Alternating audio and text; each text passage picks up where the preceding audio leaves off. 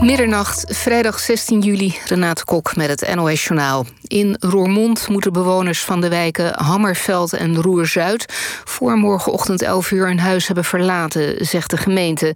Eerder werd de bewoners van die wijken dringend verzocht te evacueren. Dat dringende advies is nu een dwingend bevel geworden. Het gaat in totaal bewoners van 550 huizen. In Maastricht is de Wilhelmina-brug uit voorzorg afgesloten vanwege trillingen. Ook de Maasboulevardtunnel is dicht. Het vliegveld Maastricht-Aken Airport blijft vannacht open voor helikopters van politie, defensie en andere hulpverleningsdiensten.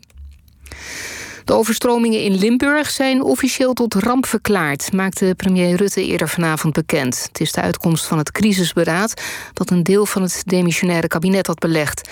Daardoor treedt onder meer de wet tegemoetkoming schade bij rampen in werking. Die regelt dat gedupeerden in aanmerking komen voor een tegemoetkoming in de schade als hun verzekering die niet dekt. De watersnood heeft in het westen van Duitsland inmiddels bijna 50 mensen het leven gekost. Tussen de 50 en 70 mensen worden nog vermist. Vooral de regio Ahrweiler, in het populaire vakantiegebied in de Eifel, is zwaar getroffen. Daar kwamen tot nu toe 18 mensen om het leven. Bij het dorp Schult spoelde de rivier de Aar zeker zes huizen weg. In het gebied zijn 2500 reddingswerkers en honderden militairen op de been. Het Griekse eiland Samos wordt momenteel geteisterd door een hevige bosbrand. Er zijn tientallen brandweerlieden, drie helikopters en drie blusvliegtuigen ingezet om het vuur te bestrijden. Uit voorzorg zijn twee hotels en verschillende woningen ontruimd. De brand ontstond rond het middaguur. Het weer. Vannacht is het zo goed als droog. Later overdag wordt het bijna overal droog. Dan komt de zon er ook bij. En dan wordt het met 20 tot 24 graden iets warmer. Dit was het NOS Journaal. NPO Radio 1. VPRO. Nooit meer slapen.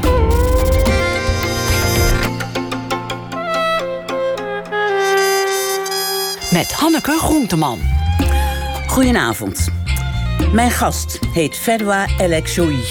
Ze is actrice, scenario-schrijver. Dus ze is nog veel meer, maar daar komen we vast nog wel over te praten.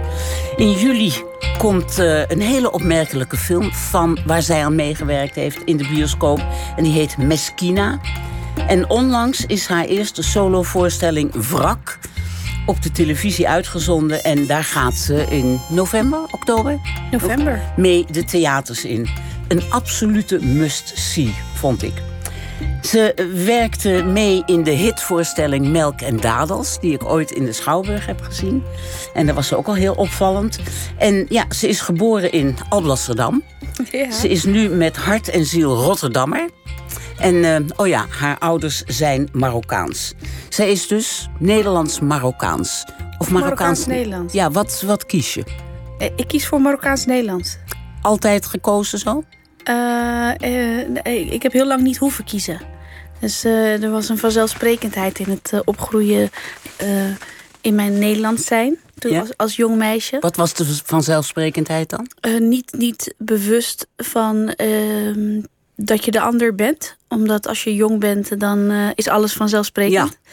Dus pas op, op, ja, op een leeftijd. dan op een gegeven moment als je 17, 18 wordt, dan, dan, dan begin je opeens door de buitenwereld die, eh, te, te merken van, oh ja, uh, je bent ook Marokkaans. Zie je opeens hoe anderen jou zien. Ja, en, en, toen ben ik een tijdje echt Marokkaans geweest. Ook gewoon omdat je, uh, ja, dat is wat je, wat je kent. En het voelt als verlogening of zo als je iets niet bent. En, en uh, pas later op een gegeven moment een uh, tussenvorm gevonden. En uh, ja, het voelt ook eh, soms dat je moet, alsof je moet kiezen. En, en ik denk dat als je Nederlands-Marokkaans bent, dan is Marokkaans het zelfstandig naamwoord en is Nederlands het bijvoeglijk naamwoord. Mhm. En dus dan, dan, dan zegt het iets over je Marokkaans zijn. En ik denk dat, ik ben hier geboren, ik identificeer mezelf als Nederlander ook. Ik droom in het Nederlands. Uh, als ik bang ben, dan uh, praat ik tegen mezelf in het Nederlands. Uh, het is de taal waar ik me het makkelijkst in kan kenbaar kan maken hoe ik me voel. hoe, ik- ja, in die taal communiceer ik het makkelijkst. Dus, maar het Marokkaan zijn is echt een onderdeel van mij. Maar Ja. dat is dus mijn bijvoeglijke naamwoord. Het voegt iets toe aan wie ik ben. Dus daarom ben ik eh, Marokkaans-Nederlands. Maar je hebt wel een Rotterdams-Nederlands accent. Ja, omdat... eh, Oké, dat geboren in over- Alblasserwaard. ja, dat is Daar gaan we het straks over hebben. Maar ik wil even wat ik vandaag, vanmiddag zat ik... eh, mocht ik in een filmzaaltje eh, de opmerkelijke film eh Meskina zien. Een soort Nederlands-Marokkaans of Marokkaans-Nederlandse romcom met een sterke lading. Maar daar gaan we het straks ook over hebben. Maar ik kwam eruit, zette mijn telefoon aan en zag Peter R. de Vries is overleden. Ja. Nou is het daar natuurlijk verder de hele dag al over gegaan. Het gaat er eigenlijk al eh, meer dan een week over. Maar ik vroeg me af, heb jij, heb jij je bezig gehouden met deze gruwelijke gebeurtenis? Absoluut. Ik denk dat iedereen die eh, eh, eh, actief meedoet in, in, in de maatschappij hier niet anders kan dan, dan hiermee bezig zijn. Want deze man heeft toch voor heel veel mensen heel veel betekend. En, en voor, voor, voor, voor mij ook in het bijzonder, omdat hij eh, zich zo inzet juist voor, voor eh, rechtvaardigheid en voor eh, opkomen voor, voor de mensen die, die het zelf niet, voor zichzelf kunnen opkomen. En ja, ik, ik had ook vandaag een post. Ik noemde hem ook een real life hero, omdat hij, wat mij betreft, echt ehm, heldendaden heeft verricht. Hij bracht hoop voor heel veel mensen. En ik denk dat dat, dat, dat is iets eh, wat alleen maar groots. eh, Als je heel groots bent, kun je dat alleen. eh, hoop geven als je bang bent. Dat, dat, ja, dat, dat is het eigenlijk. En, en ik vind dat Peter, hij heeft heel veel mensen heel veel hoop gegeven. Je had altijd gewoon het idee als hij zich op een zaak stortte. Van oh ja, dan komt het, Komt wel, het wel goed. goed. En, en Ja. diezelfde hoop, die, die had ik ook voor, voor hem omdat ik ook dacht, ja, maar Pet- Peter, dat, dat lukt Peter altijd. Dus ik dacht, dat komt wel goed. En dat hoopte ik heel erg. Dus dat nieuws vandaag, dan, dan, dan schrik je. Ja. En dan eh, denk je in eerste instantie aan zijn familie, aan zijn kinderen, aan zijn partner. En dan denk je, wauw, eh, eh, ik heb zelf de dood ervaren, ook zelf. Niet onder deze omstandigheden, die het natuurlijk duizendmaal erger maken. Maar het gemis is, is, is eh, er altijd. En ja, dit voelt zo. Ja, het is echt een soort nationale rouw of zo. Alsof iedereen nu, eh, die je nu spreekt, eh, Ja. dit zo ervaart. Ik heb hem meegemaakt toen hij zich heel erg bezig hield met uitgeprocedeerde asielzoekers.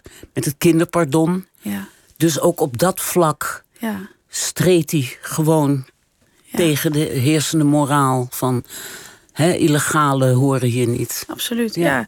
Hij durfde gewoon zich uit te spreken. Ook, ook Ja, hij vond dat dat moest. mening te ja. hebben. En, en dat, Ja. dat, ja, dat maakt hem wat mij betreft echt een held. gewoon. Maar nou, ja, misschien doe ik nu iets helemaal verkeerd. Maar toen ik vanmiddag mijn autootje naar de garage bracht. En natuurlijk ging het ook meteen over Peter eh R. Vries. En de garageman zei: Het waren wel Marokkanen, hè? Ja. Dat joeg mij angst aan. Dat ik dacht: Oh, dat krijgen we nu ook nog. Ja. Nog los van wie er uiteindelijk veroordeeld gaan worden hiervoor. Is er al meteen weer een Ja. sfeer van. Toen zei ik nog, ja, maar wij hebben toch ook Holleder, die ook levenslang zit. Ja, is toch anders. Je moet het altijd bij. Nou ja, wat, wat vind jij daarvan? Ik vind deze vraag moeilijk. Ja, Omdat, eh, ik weet het, als ik hem stel, weet ik dat het moeilijk is. ja, omdat het gewoon eh, een soort eh, collectieve verantwoordelijkheid moet je dragen. Omdat ehm, er mensen zijn die dingen doen en je draagt dan die, die, die, die, die etnische afkomst, eh, die draag je. eh, waarmee een ander zich ook identificeert. Ik bedoel, we beginnen dit gesprek met eh, heel positief van ja, Marokkaans, Nederlands, Nederlands, Marokkaans. Eh, dus ik vind het een hele moeilijke vraag. Ik, ehm, ik weet wel dat wat ik zo tof vond aan Peter R. de Vries... is dat hij zich niet voor deze retoriek li- liet eh, Ja. eh, vallen. Of dat dit, dit, dit was niet aan hem besteed. Ja. Dit maakte hij altijd met de grond gelijk. En eh, ehm, ja, dus ik weet niet zo goed wat ik hierop moet zeggen. Nee, omdat dat ik is genoeg. ook, ook, ook Ja. ja, vooral zijn. Ja, ik wil eh, vooral hem eren en, en, en, eh, en vooral de positiviteit rondom hem benoemen. En laat dat de erfenis zijn die hij achterlaat. En niet zozeer. ehm, ja, ik wil de focus niet hebben Nee. op eh, de andere kant van dit verhaal. We gaan positief door. Ja. En we gaan ehm, even over de film Meskina praten. ja. Ehm, ook daar ben ik bang om iets verkeerd te zeggen. kan jij uitleggen wat in feite het DNA van deze film is? het is een romcom. Het is een romcom. Het is een hele vrolijke, maar toch wel geladen romcom. Ik bedoel, er zit ook heel veel inhoud in. Ja, ja. Terwijl je de hele tijd op je stoel zit te dansen van plezier. Ja, maar dat is toch eigenlijk eh, het mooiste wat er is. Nou, ik vond het ook het mooiste wat er is. Maar beschrijf jij eens waar die film over gaat. Eh, misschien Jij hebt hem meegeschreven. Ik hè? heb meegeschreven, ja. ja. Ja. ja, Ik ben een van de... Het schrijvers. idee was van Soendos El Amadi Ja, eh, samen met eh, de dames van Rose Stories. voor Rose Die Stories. hebben samen met productiebedrijf. Ja, die hebben Ja. destijds eh, het idee eh, eh, eh, gehad om, om deze film te gaan maken. En vervolgens zijn daar En schrijvers. hoe luidde het idee? Het idee luidde van eh, ehm, een, een, een gescheiden vrouw zijn, eh, eh, maar die dan tegen alle. Oké, ik moet even. Ik, ik, kom uit dat andere stuk. Ik moet even mijn gedachten Doe verzamelen. even een kleine reset. Neem Ja. een koekje. Ik heb koekjes gekregen, ja, dat weten koekjes- de mensen thuis niet. Je hebt koekjes. Geen melk en dadels, Nee, maar, wel koekjes. Ehm, deze film gaat over een, een vrouw van in de dertig, een Marokkaans-Nederlandse vrouw, die gescheiden is. En die daarna door haar eh, omgeving gezien wordt als meskina. En meskina is een, het Arabische woord voor zielige. Of Ja, eh, arme jij. Ja. Eh, om, omdat eh, ehm, helaas leven we in een wereld waar heel veel vrouwen hun waarde toegekend krijgen aan de hand van of ze wel dan, al dan niet getrouwd zijn of ze een man hebben in hun leven. Nou, en dat, dat geldt ook voor onze Meskina. En ehm, om, om dat eigenlijk ehm, te ontvluchten, eh, stemt ze toe dat haar moeder en haar zus eh, voor haar eh, een man gaan zoeken. Ze gaat dus dan daten met twee mannen. ehm, om op zoek te gaan naar de ideale man. Maar gaandeweg ontdekt ze dat je kunt helemaal niet lief hebben als je niet jezelf eerst heel erg lief hebt. En eh, ja, je moet de film gaan zien om te kijken hoe het afloopt. Ja, dat, Maar het gaat in ieder geval over empowerment en over keuzes durven te maken. Ja. En eh, je geluk niet te laten afhangen van andere mensen. En dat is waar onze, onze, onze Meskina als het ware doorheen gaat. ja.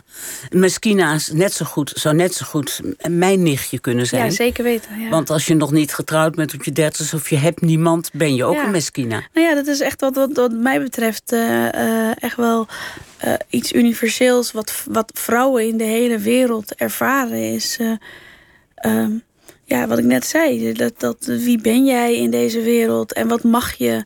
En, en eh, nou, je had net dat voorbeeld van de autogarage. Eh, al- als ik de autogarage inkom, dan. eh, als ik als vrouw alleen, dan, dan, dan word ik anders behandeld dan als ik met een man ben. Ik ook. Ja, ja. en, en, en zo kun je nog meer. ik bedoel, het feit dat ik. Terwijl die vrouw- mannen er net zo min verstand Ja, van hebben als ik. trouwens. Oh, fake it until you make it. Juist. Zij. Maar dat we ook als vrouwen nog steeds de inkomensongelijkheid, dat we daar nog steeds mee te maken hebben. Dat ik als vrouw structureel minder betaald word dan een man met dezelfde eh, eh, know-how en dezelfde ervaringen. Ja, dat, dat zegt alles wat we, wat we moeten weten in deze wereld om te snappen dat ja, de struggles die we ervaren als vrouw, of je nou een Marokkaans-Nederlandse vrouw bent of eh, een Ethiopische vrouw bent of een Chinese Amsterdamse vrouw, dat maakt dus absoluut niet uit. Nee. Omdat, Maar Ja, luister eens, het klinkt nu alsof Meskina de sneuwe zieligert, omdat ze eh, nog vrijgezel, of weer vrijgezel is, of dat een eh, feministisch pamflet is. Maar het is daarentegen een heel geestige, feestelijke film. Maar zou dat. Maar, ja, maar feministische pamfletten kunnen ook eh, geestig zijn, toch? Kijk jij me toch af en toe streng aan? Nee, nee, Ik heb dat nu is al niet twee keer een beetje straf gehad.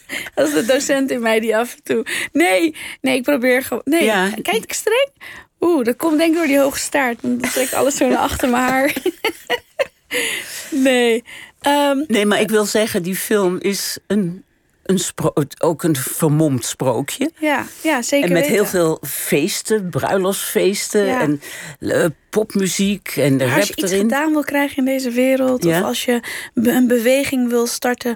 je kunt eh, eh, op twee manieren kun je dat, dat, dat, dat aangaan als het ware. Je kunt de boel afbranden...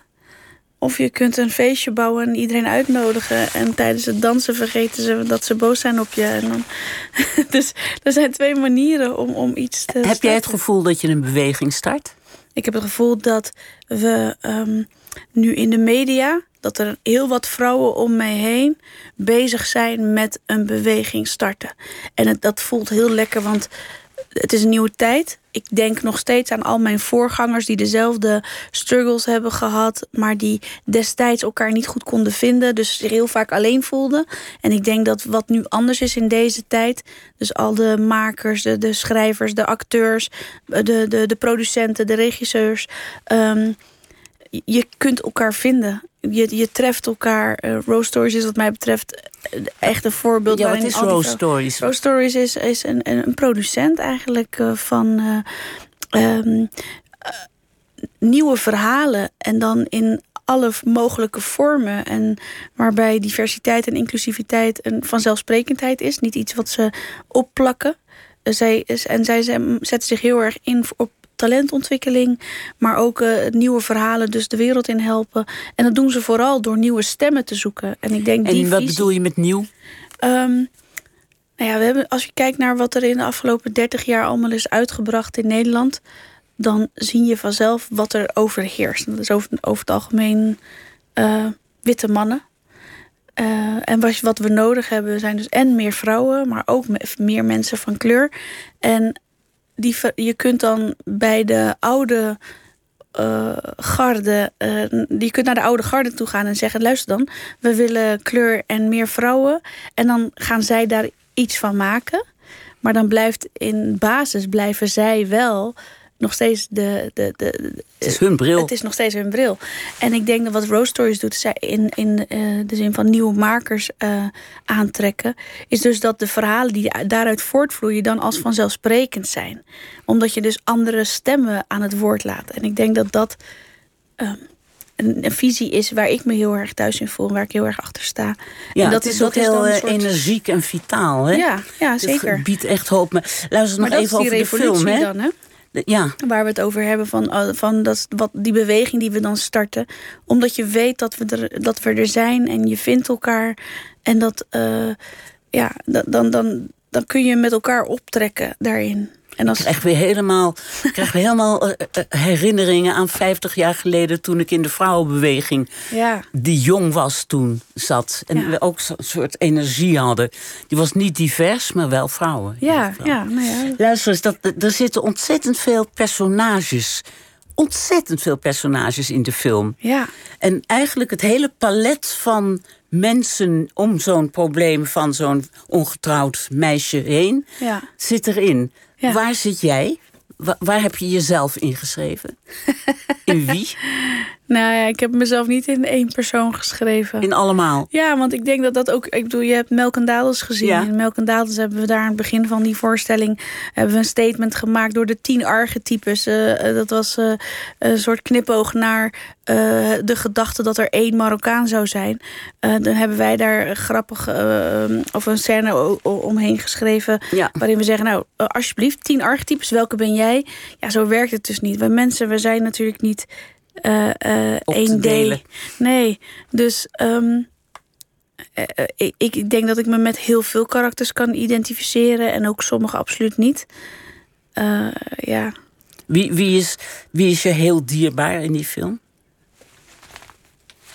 ja, ik denk wel... eh, eh, eh, Het, prinsesje? het- ja, de, Meskina? Het, Ja. de- het meisje? dat, dat is wel absoluut wel de belangrijkste, denk Ja. ik. Ja, ja, Ook heel bekend Marokkaans-Nederlands... eh, of Nederlands-Marokkaans zit in de film ongeveer. Het is echt ongelooflijk hoeveel mensen je langs ziet komen. Ja. Zelfs die geweldig leuke journaliste van de NRC, hoe heet ze nou ook weer? Die dat mooie liedje zingt met die gitaar. Ja, Samia Hafsaoui. Samia. Dat is, eh, ja, ik, wer- Wow. ik werk op dit moment ook weer met Samia. Kan zij goed zingen? Ja, ze kan alles heel goed. Samia Ja. is echt eh, de toekomst, eh, wat mij betreft. heel intelligent en super eh, sympathiek. Ja, en en, ja, heel erg genuanceerd. En let heel erg op wat ze zegt. Ze is eh, wat mij betreft echt, eh, ja, echt, echt de toekomst. Daar waar ik nog soms ehm, te emotioneel kan zijn. En, en, en, en misschien uit de slof kan schieten. Of, of, of ook weer te veel in mijn hoofd zit. Of een te grote ego heb. Merk ik, en ik werk op dit moment aan een serie met haar samen. En dat is echt een genot omdat ze een bepaalde rust brengt. En, eh, maar ze heeft ook een wittiness. Ze is super Ja, ze is slim. heel intellectueel Ja, en heel, heel together. slim. Hè? Ja, Ja, ik heb ook zeker. meegemaakt. Dus eh, ik, eh, ja. hey, en ehm, ja, mijn favoriet van de afgelopen dagen die ik heb gezien, dat heb ik je al verteld, is een voorstelling, maar die is op televisie al uitgezonden. Ja. Is mij geheel ontgaan toen, maar hij gaat de theaters nog in. Ik zei het al, een must-see en dat heet Wrak. Ja, ja. W- waarom wrak?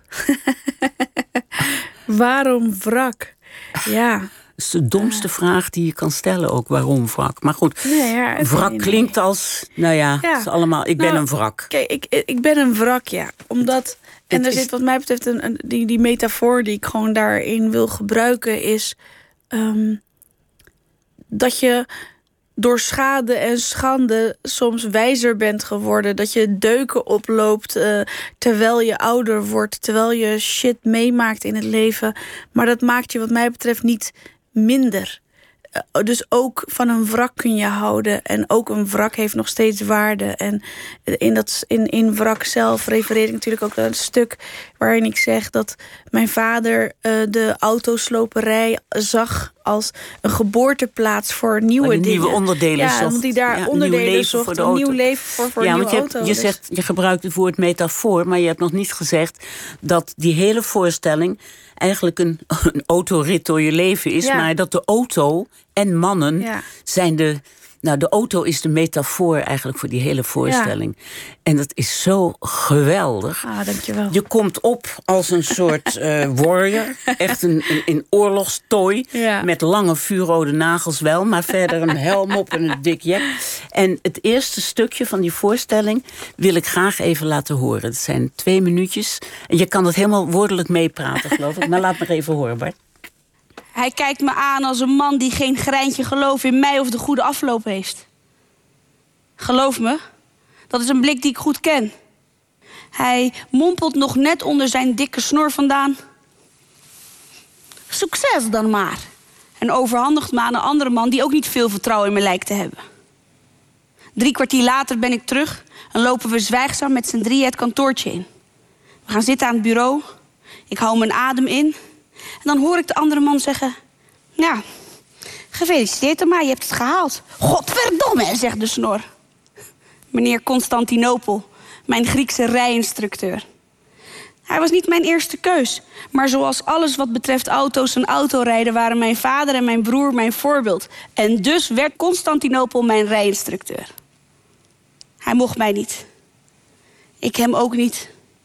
Hij nam die 55 euro cash die ik voor elke rijles moest betalen altijd aan alsof het bloedgeld was.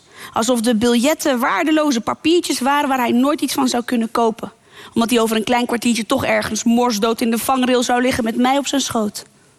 Hoe vaak hij wel niet tijdens zo'n les zei: hey, Jij doet echt stom. Waarom?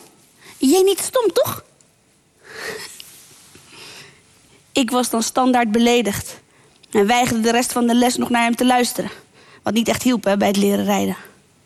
Oh, mega tempo. Oh, mega tempo. Tentero la patata simera. Tentero la patata simera. Meneer Constantinopel. Dit was de laatste keer dat ik hem nog hoefde te zien. Yes, baby. Wij waren van elkaar verlost. En mijn dag kleurde opeens roze. Ik doop deze dag tot het begin van mijn toekomst. Ik ben 18 en een half jaar oud. En vanaf nu is alles mogelijk.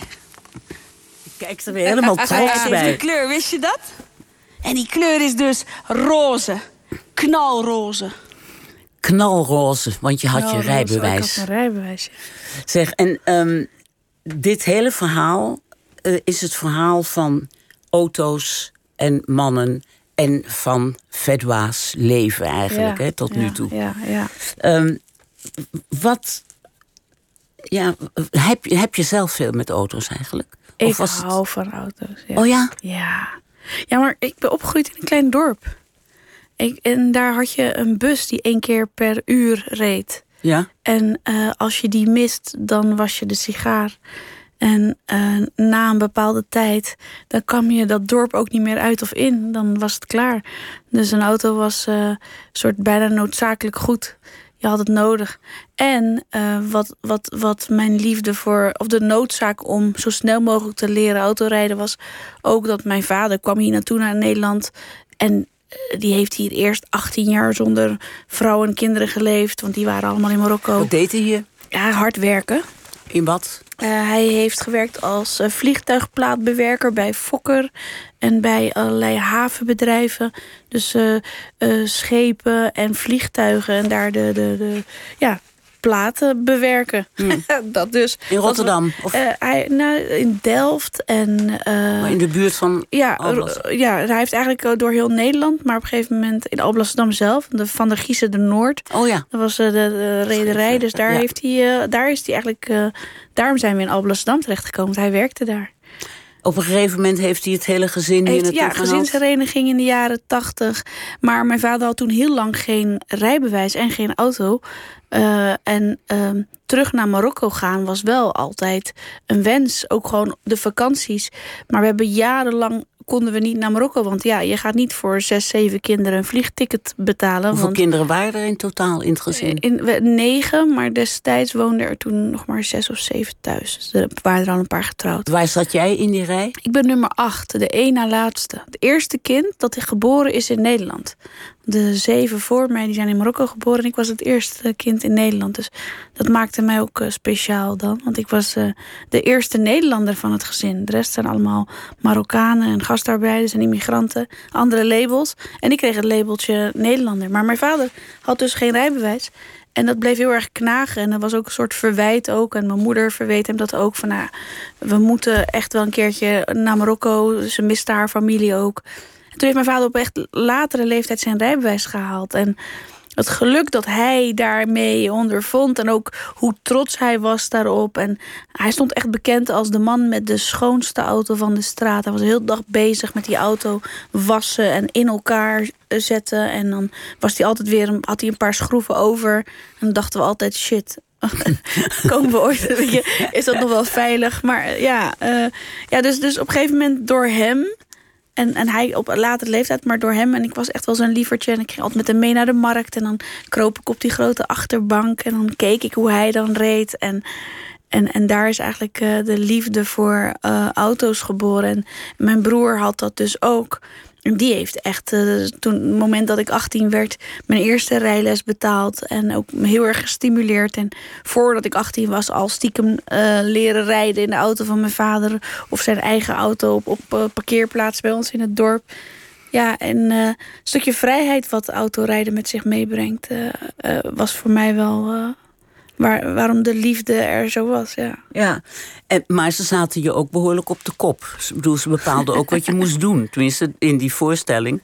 Je broer maakte uit welke auto je moest kopen. En eh, ja, maar het zijn allemaal goed bedoelde adviezen. ja, heel goed bedoeld. Goed bedoelde adviezen. En ik denk dat dat ook ehm, nodig is of zo. Ik denk dat eh, wat familie doet, is denken dat ze weten wat het beste voor je is. En wat jij moet doen als individu, is ontdekken wat het beste is. En, en, en dan soms de strijd durven aangaan. En ik denk dat we allebei onze rol heel goed daarin hebben vervuld. Is het altijd harmonieus gegaan? Absoluut, uiteindelijk. En, eh, Uiteindelijk. uiteindelijk, ja. Nou ja, omdat harmonieus is. Omdat ik schuw ook niet de, de moeilijke momenten. En ik schuw ook niet het ongemak. En ik schuw ook niet de problemen die er zijn. Want volgens mij zonder eh, donker geen licht en zonder licht geen donker. Dus eh, harmonieus betekent dat beide er mag zijn. En, eh, en, en ik ben nu wat ouder. En vroeger dan denk je dat dat het einde van de wereld is. En dan ben je verdrietig en dan kun je het allemaal niet overzien. Maar nu in retrospectief denk ik... nee, maar het, is alles wat het had moeten zijn. Omdat eh, het, is oké of zo. Omdat ik kan ook niet verwachten van de ander... dat die het allemaal weet. Nee, maar je beschrijft ook in de voorstelling heel mooi. Je beschrijft eigenlijk je hele leven tot nu toe in, een, in prachtige kleine scènes. Maar ehm, je beschrijft jezelf in het begin als een heel klein, stil, Ja. onopvallend meisje. die ook nog wel eens verstopt onder een deken ligt. En Ja. eh, er eigenlijk niet is, Ja. niet gezien wordt. Zo kan ik me jou, zoals ik je nu in je uitingsvorm zie, helemaal niet voorstellen. Nee. Dus wanneer is, is, transitie. is, de, is het kuiken een eh, zwaan geworden? Ja. ja, dat is geleidelijk aangebeurd. En, en, en, en niet dat- met ooit een gebeurtenis? Of een... Nee, dat is echt wel geleidelijk aangebeurd. En ik denk dat. eh, ja, ik, ik, ik werd ouder en. en ja, het is niet één gebeurtenis. Nee. Nee, dit is echt geleidelijk aangebeurd. En ik, ik doe maar gewoon gelijk een bekentenis. Dat ik nog heel vaak echt dat kleine kuikentje ben hoor. Dat ik heel vaak heel bang ben en dat ik heel vaak heel onzeker ben. En, maar ik heb gewoon. De grootste ontdekking die ik heb gedaan is dat iedereen bang is. En, en daardoor is het dus oké om ook gewoon af en toe bang te zijn. Dat is mijn grootste ontdekking geweest. Dat maakt niet uit wie, eh, wat je ook doet, eh, waar je staat in de wereld, wat je allemaal hebt gepresteerd. Iedereen is bang ook om. En, en, en we doen allemaal ons best. En ik vind het oké dat ik ook soms de bad guy ben in iemands verhaal. En iemand anders kan dus je ook af maakt het nu wel een beetje algemeen, vind ja. ik. Ja, wat wil je dan van me? Nou, dat je het heel persoonlijk maakt, wil ik van je. ja, ik kan er eigenlijk niet, niets meer van maken dan dat. Nee. Ja. Bijvoorbeeld, hoe was jouw verhouding met je moeder? Heel goed. Nu nog steeds. Leeft Ja, zij leeft zeker, ja. vader leeft niet meer. Nee, hè? mijn vader leeft niet meer. Ja. Nee, mijn moeder was echt eh, de matriarch of the family. Maar toen ik jong was, keek ik heel erg op naar mijn moeder. En eh, mijn moeder die eh, heel streng overkomen. Dus als je er ook ziet, eh, mijn vriendinnetje dacht ook van wow. En mijn moeder heeft nog van die gezichtstatoeages, eh, die tribal tatoeages uit van de MSG-cultuur. En, en ze droeg de hoofddoek en was een statige vrouw. Dus mensen waren altijd een beetje bangig. Maar mijn moeder was gewoon ja, een soort powervrouw die alles deed om haar kroost te beschermen. En ik, ik realiseerde me op hele jonge leeftijd al dat, eh, dat zij ondanks alles dat voor elkaar kreeg. Hoe bedoel je, ondanks alles? Dus dat, dat ze, ze eigenlijk al een soort min 10 stond in deze maatschappij. En dat ze er toch het beste van maakte. Ja, en da- daar, daar haal je dan alleen maar een soort van heel veel kracht uit of zo. Dus nee. Wat bedoel je met min 10 staan? Ze is analfabeet, ze spreekt de taal niet, ze is niet opgeleid. eh, eh, ze had eh, acht kinderen. Ja, dat, dan, dan, dan, dan is het moeilijk om mee te komen in een maatschappij. Ja. Je verhuist 3000 kilometer verderop. Je komt uit een Rivijnsbergdorp. En dat, dat, dat, dat ruil je in voor een Nederlands klein havendorpje genaamd Alblasserdam. Een gereformeerd dorpje. Eh, en, en daar zit je dan met je hoofddoek en je eh, bedekte kleding. En hoe was dat voor jou als kind dan? Of, of voor de kinderen? nou ja, ik, dat, dus dat is wat ik net zei. Dat ik als, als jong meisje het heel lang niet door had. Pas eh, Ja, op, ja. op latere leeftijd opeens door dacht, had. zo van, is oh het gewoon. En Ja, dat is gewoon, alles is vanzelfsprekend. En op een gegeven moment als je wat ouder wordt... en dan, dan, dan beseft wat woorden werkelijk betekenen... wat mensen zeggen en, en, en, en hoe men reageert. En als je dan op een gegeven moment die verbanden gaat leggen... dat je, oh ja, oh ja, dat is niet altijd helemaal lekker geweest of zo. Maar dat is... eh, eh, wat, ik, wat ik het wel heel tof vond aan zo'n groot gezin hebben... is dat ik had allemaal soort... We waren een tribe op zich... Dus, dus het was altijd heel gezellig en het was heel fijn. En ik had gewoon mijn, mijn beste vrienden om me heen. Mijn zusje en mijn broer. En ja, eh, heel veel eten. Het was altijd druk. Eh, altijd, ja, dat. Dus er waren heel veel dingen die niet lekker waren. Maar tegelijkertijd had je wel de veiligheid en de warmte en dat van niet elkaar. lekkere bedoel je, dat was buiten. Ja, de, de, de wereld die En hoe gewoon... ze naar je eh, keken. Hoe ze, ja, ik, eh, jullie waren natuurlijk toch een een Vreemde. vreemde een vreemde eend in Ja, de bijt ja, van. Alblasserdam. Zeker, Ja. zeker, zeker, ja. Maar omdat jullie met elkaar zo'n stam waren, Ja, ben je ook sterk. dan ben je ook sterk. En dat, dat leert ook dat je samen moet optrekken. En dat je altijd elkaars rug hebt. En, en dat je ook voor naar elkaar omkijkt. Ja. En voor elkaar zorgt. En, Ja. dus daarom zeg ik, ik heb heel veel positieve ervaringen. Ook heel veel positieve gedachten en herinneringen. En kijk, wat ik nu.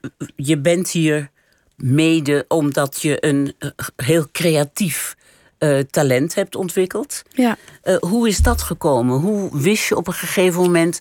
Dit leven van mij is ook brandstof voor iets anders? Nou, ik denk dat eh, heel veel makers, schrijvers putten uit hun eigen ervaringen. Ik denk dat dat, eh, dat, dat, eh, dat, dat voor heel veel. Kijk, er zijn ook eh, makers en kunstenaars die, die onderzoek doen naar een bepaald thema en zich daarin onderdompelen. Maar er zijn ook makers die uitgaan vanuit, vanuit hun eigen ervaring. Ik ben een vrij intuïtieve maker. Dus, dus ik, ik vertrek altijd vanuit eh, ehm, een, een associatie of vanuit een gevoel of vanuit een herinnering. Dat, dat is altijd het vertrekpunt bij mij. Ehm, ja, en vanaf jongs af aan gewoon al w- geschreven. Dus dat, Oh ja? het, is, het is echt altijd begonnen met het, eh, met, met, met het schrijven. Alleen ik heb heel lang eh, gewacht voordat ik dat durfde, dat, voordat ik dat met mensen durfde te, te Schreef delen. je helemaal voor jezelf? Ja. In een soort dagboek Ja, of zo? ja gewoon losse dingetjes. En eigenlijk pas op mijn 25ste voor het eerst. En dat is een grappig verhaal. Nou, is niet grappig. Mijn vader kwam te overlijden. En toen heb ik. ehm, en er was er een oproep in de Volkskrant ergens. Dat was samen met El Hijra. Eh, en dan deden ze brieven aan mijn ouders. Dat, dat was een soort. En dan kon je als schrijver kon je iets insturen. En de, de beste werden dan gepubliceerd in een boekje. En ik heb toen een brief geschreven. in de zin. oh, de- ja, gewoon een brief aan mijn vader. En dat stuk werd geselecteerd en dat werd ook gepubliceerd dan in zo'n boekje. En toen waren daar allemaal ehm, juryleden. En er was één jurylid, Mohammed Ben Zakour, de schrijver. Die dus met mij, de, de, de, eh, ook een Marokkaans-Nederlander is. Rifijn is, net als ik. En ik viel op en toen heeft hij eh, mij, eh, contact met mij opgezocht daarna. Van hé, hey, ik zou heel graag een keertje met jou willen spreken. En toen hebben we een keertje afgesproken. Hij schreef je meer teksten. Toen heb ik een heel map met allemaal tekst aan hem gegeven. En toen heeft hij eigenlijk gezegd: nee, maar je hebt een hele fijne pen. Je kan, jij kan best schrijven. Volgens mij moet je hier wat mee.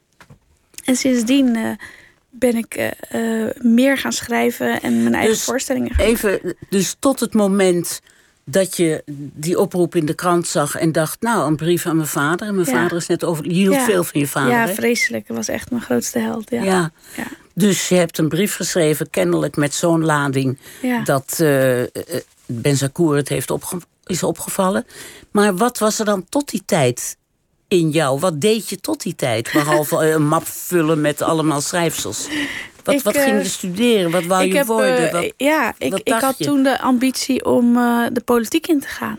Ik wilde de wereld veranderen middels de politiek. Dus ik, wa- wa- wat bewoog je daartoe? Omdat ik eigenlijk vanaf jongs af aan een streng gevoel heb van, of een heel groot gevoel heb van, van rechtvaardigheid. En dat we met elkaar een verandering teweeg kunnen brengen. Dus dat iedereen een steentje moet bijdragen. Dat gevoel heb ik van, van jongs af aan. Dus ik ging toen studeren in Rotterdam en toen lezingen ging bij. Ik heb management, economie en recht als eerste gestudeerd. Management, economie en recht. Ja, dat is een, dus een soort eh, eh, hele brede opleiding. En dan word je eigenlijk opgeleid tot eh, beleidsadviseur. Want ik wilde graag beleid maken voor politieke partijen. Dus dat, dat is wat... Alle politieke partijen? Nee, of had je nee, wel op het oog? Wel, ik had toen wel wat op het oog, maar ik ga me daar nu niet meer over uitlaten. Nee, maar het zal niet extreem rechts geweest zijn. Nee, nee, nee, nee, nee. Het is altijd linkerkant. mid- middenlinks, zeker. Dus ik heb meerdere partijen heb ik mee geflirt destijds. En dus zat ik ook in de jongerenraad van Rotterdam. En dus schreven we ook eh, beleidsstukken die dan over werden genomen door de gemeenteraad. En zo leerde ik dat dus kennen van, oh, dat vind ik tof. En toen heb ik nog Engels gestudeerd daarnaast. Omdat ik toen ook een internationale eh, ambitie had. Ik dacht van, oké, dan kan ik iets voor de EU gaan betekenen. Ik wilde heel graag naar het buitenland ook. Eh, en dat was eigenlijk de ambitie. Maar ik, terwijl ik die studies deed en dus bezig was met de politiek, toen ontdekte ik, ah, ik werd heel ongelukkig op een gegeven moment. Omdat ik het, het spelletje op een gegeven moment eh, zag en snapte. En toen dacht ik, maar dit zijn ook maar gewoon mensen. Dit zijn helemaal niet superhelden waarvan ik dacht Die dat ze allemaal waren. het goede met de wereld Nee, voor. zeker niet. Dat het zijn gewoon mensen. wel, maar- Zeker wel. Maar je merkt dat Ja. eh, politiek bedrijven betekent dat je altijd in het midden moet staan. Omdat je de massa moet bedienen. Dus eh, je begint misschien wel heel erg. ehm, vanuit Idealistisch. idealistisch, maar dat, dat als, je, als je wil regeren, dan moet je in het midden gaan zitten. En, en ik ben niet gemaakt voor het midden. Dus dan zou ik altijd in de oppositie moeten zitten. En dan kun je je afvragen, eh, ja, eh, eh, de oppositie die nu bezig is, eh, doet hele goede dingen. Omdat je kunt als oppositie echt wel prikken en een verandering teweeg brengen. Maar het was voor mij niet genoeg. Dus toen op een gegeven moment eh, dacht ik, nee, ik kan dit niet. Dit is niet eh, aan mij besteed. Ja, en toen ben ik, eh, eh, ik studeerde toen en ik had een bijbaantje op school. Eh, op de hogeschool waar ik studeerde, daar had ik een bijbaantje. En toen raakte ik gewend aan de, de, de sfeer van op een school werkzaam zijn. Toen dacht ik, maar wacht even. En toen ben ik maatschappijleer gaan studeren. Toen had je, ik heb, ik heb nu al zes klaar studies langs horen Ja, maar ik, was ik klaar met mijn studies. En toen dacht ik, nou, ik was nog jong. En ik denk, nou, dan ga ik maatschappij. heb ik in de deeltijd gedaan. Was ik in twee jaar heb ik dat afgerond. Maar ik was heel brutaal. Want ik heb tegelijkertijd gelijk gesolliciteerd als docent maatschappijleer. ja, op die school. Nee, nee Oh. op een andere school, Ja? op, een, op het MBO. En destijds was er een enorm tekort aan jonge docenten maatschappijleer. En daar kwam ik, Fedwa El Akshawi, Marokkaans-Nederlandse brutale dame uit Rotterdam, die net begonnen was met de studie eh, maatschappijleer, maar wel een studie maats- eh, eh, management, economie, recht en Engels had afgerond. En toen zeiden ze, nou, kom maar, we gaan je, je mag alvast beginnen terwijl je de opleiding doet. Dus toen ben ik, ben ik aangenomen daar en ben ik als docent, ik, echt, toen Maar je was nog een soort kind. ik Althans, was, ja, ik was nog jong, Ja. maar, maar ehm, ik heb mezelf daar echt doorheen gefaked in het begin.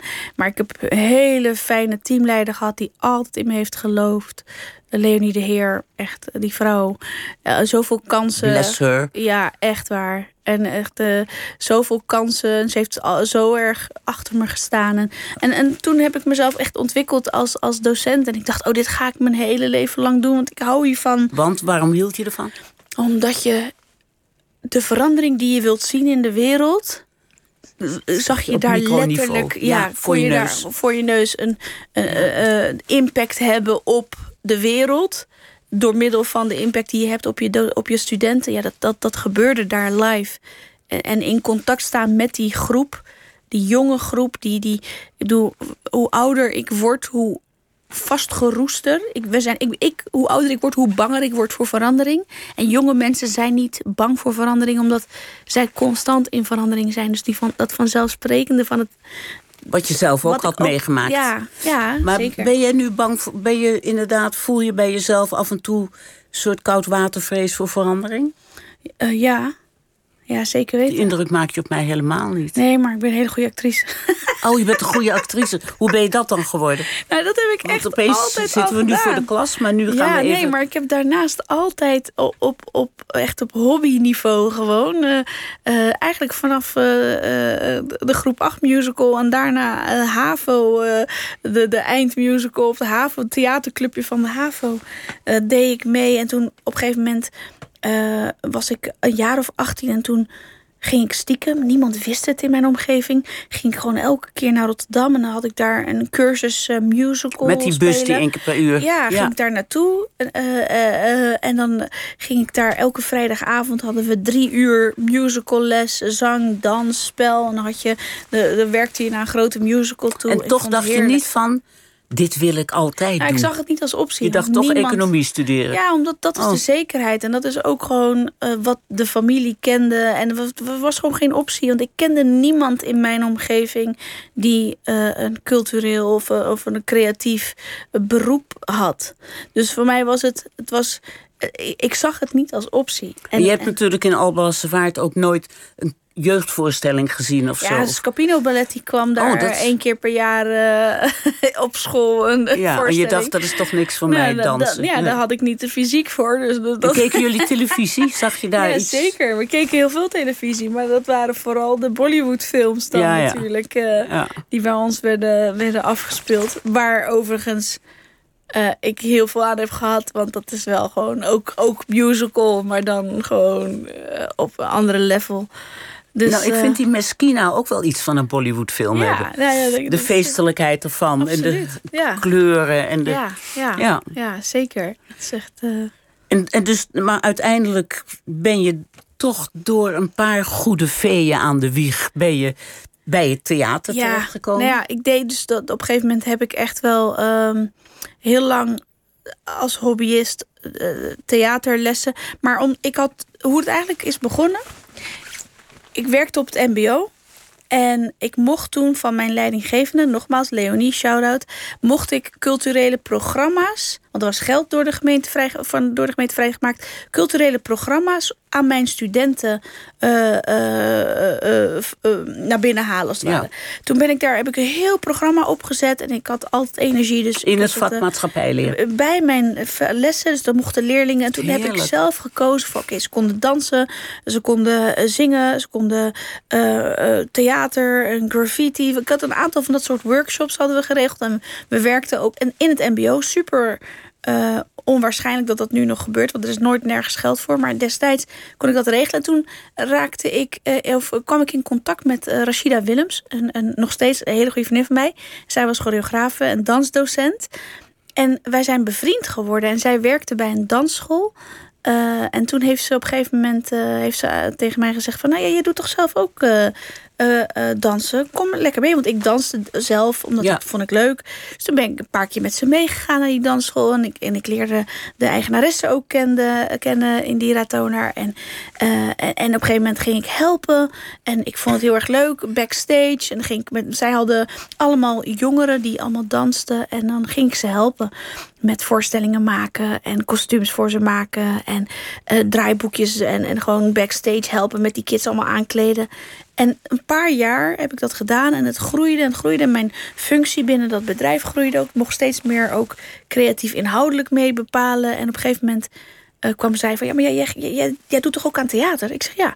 Zeg, maar jij geeft toch ook les? Zeg ze ja. Ik zeg, nou, dan kan je die dingen toch combineren? Ik zeg ja, is goed. Dus ging ik haar dansers, ging ik dan wat theaterlesjes geven met de kennis van, als de docent die ik ben. In combinatie met eh, het theater wat ik zelf al En ben die je toen jaren... ook naar de theaterschool gegaan of zo? Nou, op een gegeven moment, toen eh, werd die ambitie dus groter om dus in dat theater te Ja. blijven. ja. Eh, ik ging ook steeds meer workshops geven en an- ook andere theaterscholen die, vonden, die leerden mij kennen. En toen kwam ik eh, met Jolanda Spoel in aanraking. En dat was nu de directrice van het Belmer Parktheater. Maar zij was destijds nog eh, de programmeur en, eh, eh, het Maastheater. bij het Maastheater. Ja, En ja. zij leerde mij kennen omdat wij met onze kindervoorstelling in het Maastheater speelden. Ja. En zij zag mij en zij vond mij leuk. En toen heeft ze een keer tegen mij gezegd: Wil jij niet in een van mijn voorstellingen spelen? En toen heb ik gezegd: Ja, natuurlijk wil ik dat. En de rest is history. En toen heb ik dat gedaan, ja. En Maar- daar is toen mijn, mijn carrière als actrice begonnen. Doordat Jolanda Spoel zei: Ja. Kom jij maar bij mij spelen. En nou vind ik het grappige van het hele verhaal...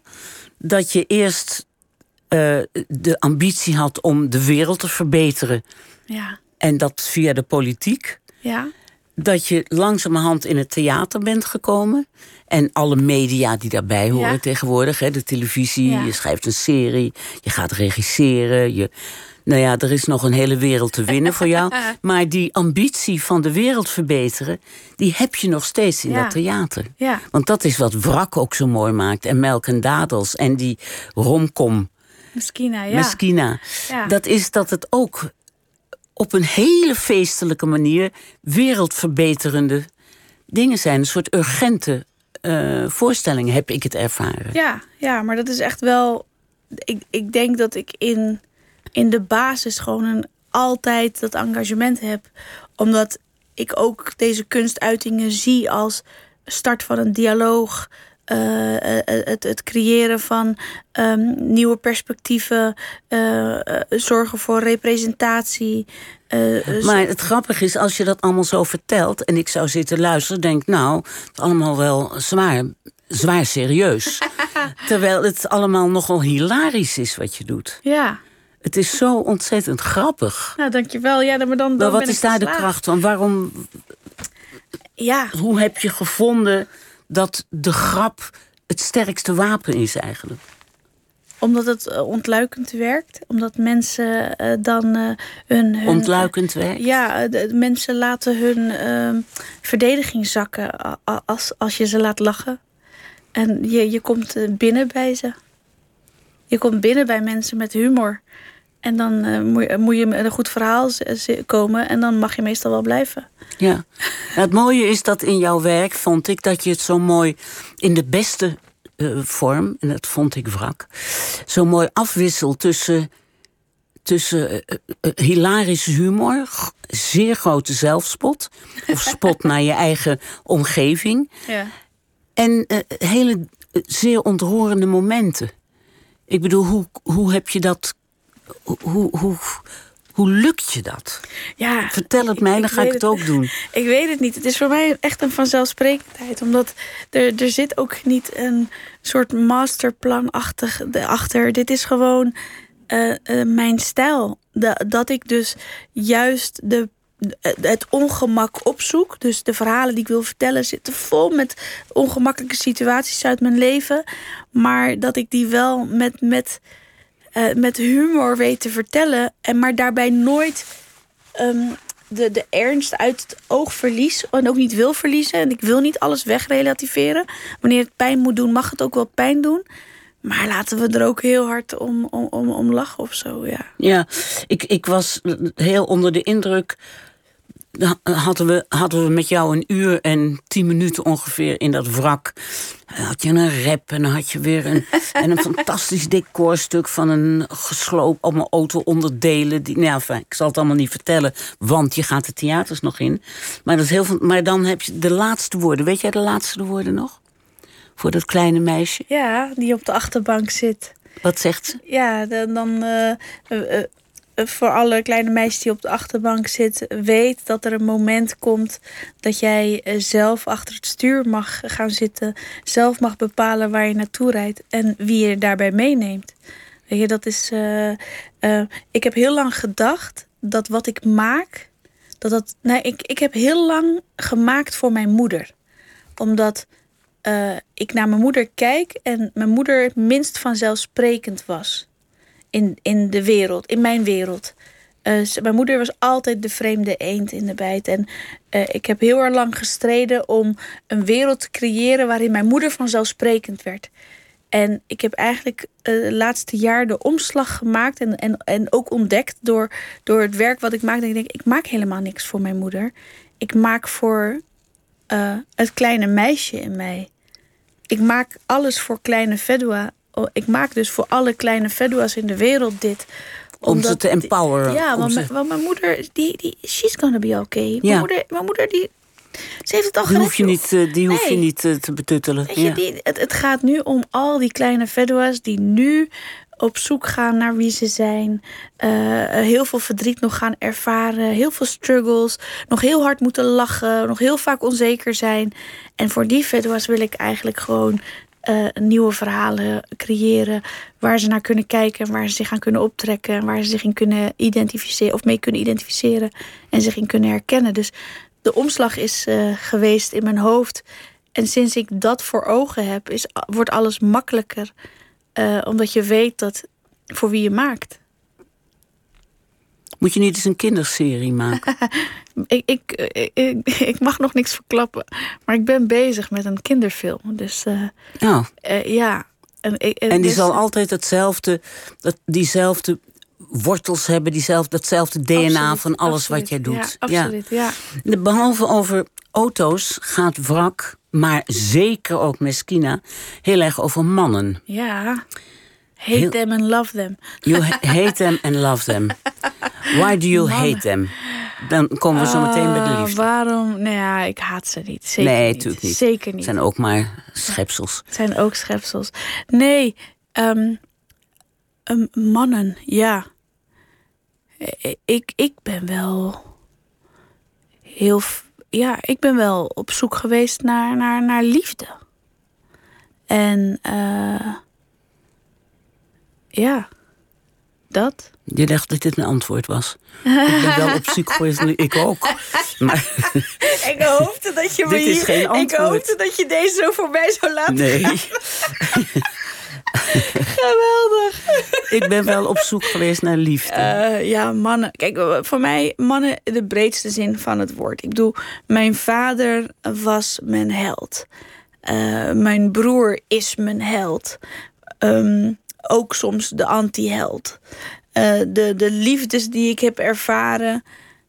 Ja, dat, dat, dat, dat was heel vaak pijnlijk en ook heel mooi. En eh, ja, en ze hebben me dus ook gevormd tot, tot wie ik ben.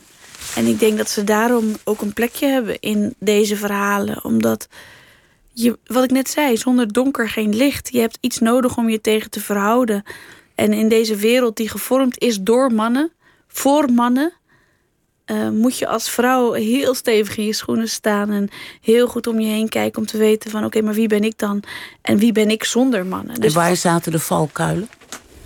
eh, niet goed weten ehm, hoe het moet. Geen voorbeelden hebben daarin. Eh, Geen voorbeelden van vrouwen. ja, ja, ja. Dus dat, dat is wel heel erg moeilijk. Om, om, om dan erachter te komen van... oké, maar wie ben ik dan? En, en hoe, hoe ga ik hiermee om? Hoe verhoud ik me ertoe? Je, in, in, in de voorstelling zit ook vaak iets van... ja, en dan heb ik me verzet en heb ik gezegd... wat denk je wel, en flikker op en dit en dat. Maar zo is het niet gegaan. Zo is het niet gegaan. Dat soort situaties zitten Ja. ook in de film en ook in je voorstellingen. Ja. Is dat uit het leven gegrepen?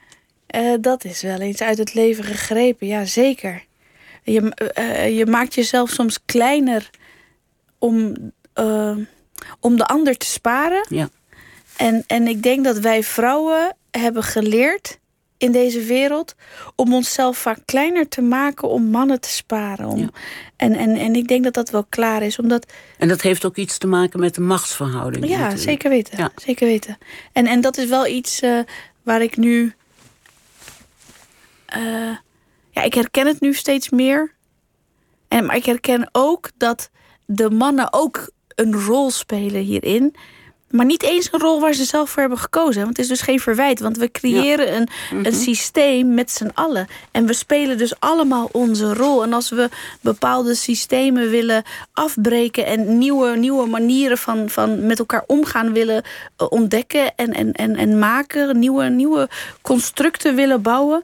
dan moeten alle partijen moeten zich bewust worden van de rollen die we spelen. Zijn alle partijen zich bewust? Niet, nog niet. En dat is denk ik de strijd. Omdat eh, de ene partij heeft namelijk een privilege in de rol die ze hebben. En dan heb ik het nu dus over de mannen. Dus het is heel erg moeilijk. Want dat betekent dat je, Ja. je moet wat opgeven. eh, om wat ruimte te geven aan de ander. En, en dat is heel erg moeilijk. Eh, maar ik verwijt het ze niet. Want ik denk dat als ik in die positie zat... ik waarschijnlijk ook die struggles heb. Gelukkig blijf ik altijd positief en heb ik heel veel energie om dat gesprek aan te blijven gaan en, en een soort verandering teweeg te brengen. En, en dat doe Maar ik het nu dan. werk zit dus bij de vrouwen, hè? Nou, niet alleen. Nee, we hebben. Nee, ze Ach, zullen mee moeten, ze maar moeten mee moeten, ja. dat is wat anders. Zeg, heb, je, moeten. heb, je hem, heb je hem nu gevonden? De man die De man die zich niet groter maakt dan jij, waardoor jij je kleiner moet maken? Ja, zeker wel. Ja, Ja? ze bestaan. Ze bestaan Ja, echt. maar heb jij hem? Eh, Ja, ja, ja, ja, ja. Je gaat weer zo'n geheimzinnig, Ik ga weer geheimzinnig wa- waas doen, ja. over je gezicht trekken. Ja, het is weer zover. Ja, ja, ik heb hem, ja. Je hebt hem. Ja, ik heb hem. En wat staat er in de naaste toekomst voor jou te gebeuren? Ach, heb je even. Nee, we hebben nog anderhalve minuut. Ja, er, er, er komt een webserie aan die ik ga regisseren. Er komt een comedy-serie aan waar ik aan meeschrijf en ga meeregisseren. Mijn theatertour. Eh, er komt een kinderfilm aan waar ik heb ges- geschreven en ga regisseren. Er komt een film aan waar ik in ga spelen volgend jaar. Eh, maar laten we vooral hopen dat het in alle gezondheid kan gebeuren. En dat, eh, ja, dat. Ik wens jou zoveel goeds. Dankjewel. Want dan heb ik ook heel veel goeds. Want ik ga het allemaal bekijken en lezen en zien. Heel Fedwa. Elekshoi. Dankjewel. Dankjewel dat je er was. Dankjewel dat ik er mocht zijn. Ik wil nog even zeggen dat morgen de acteur Peter Blok te gast is. Hij komt praten over de nieuwe theatercomedie Trapeze... waarin hij een circusartiest speelt. Maar ik zit hier dan niet. Ik wens u allemaal nog een hele goede nacht. Ook met Miss Podcast.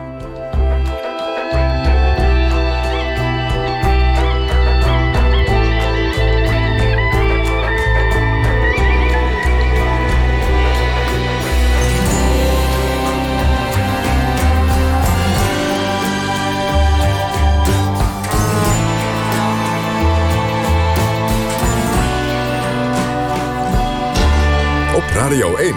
Het nieuws van alle kanten.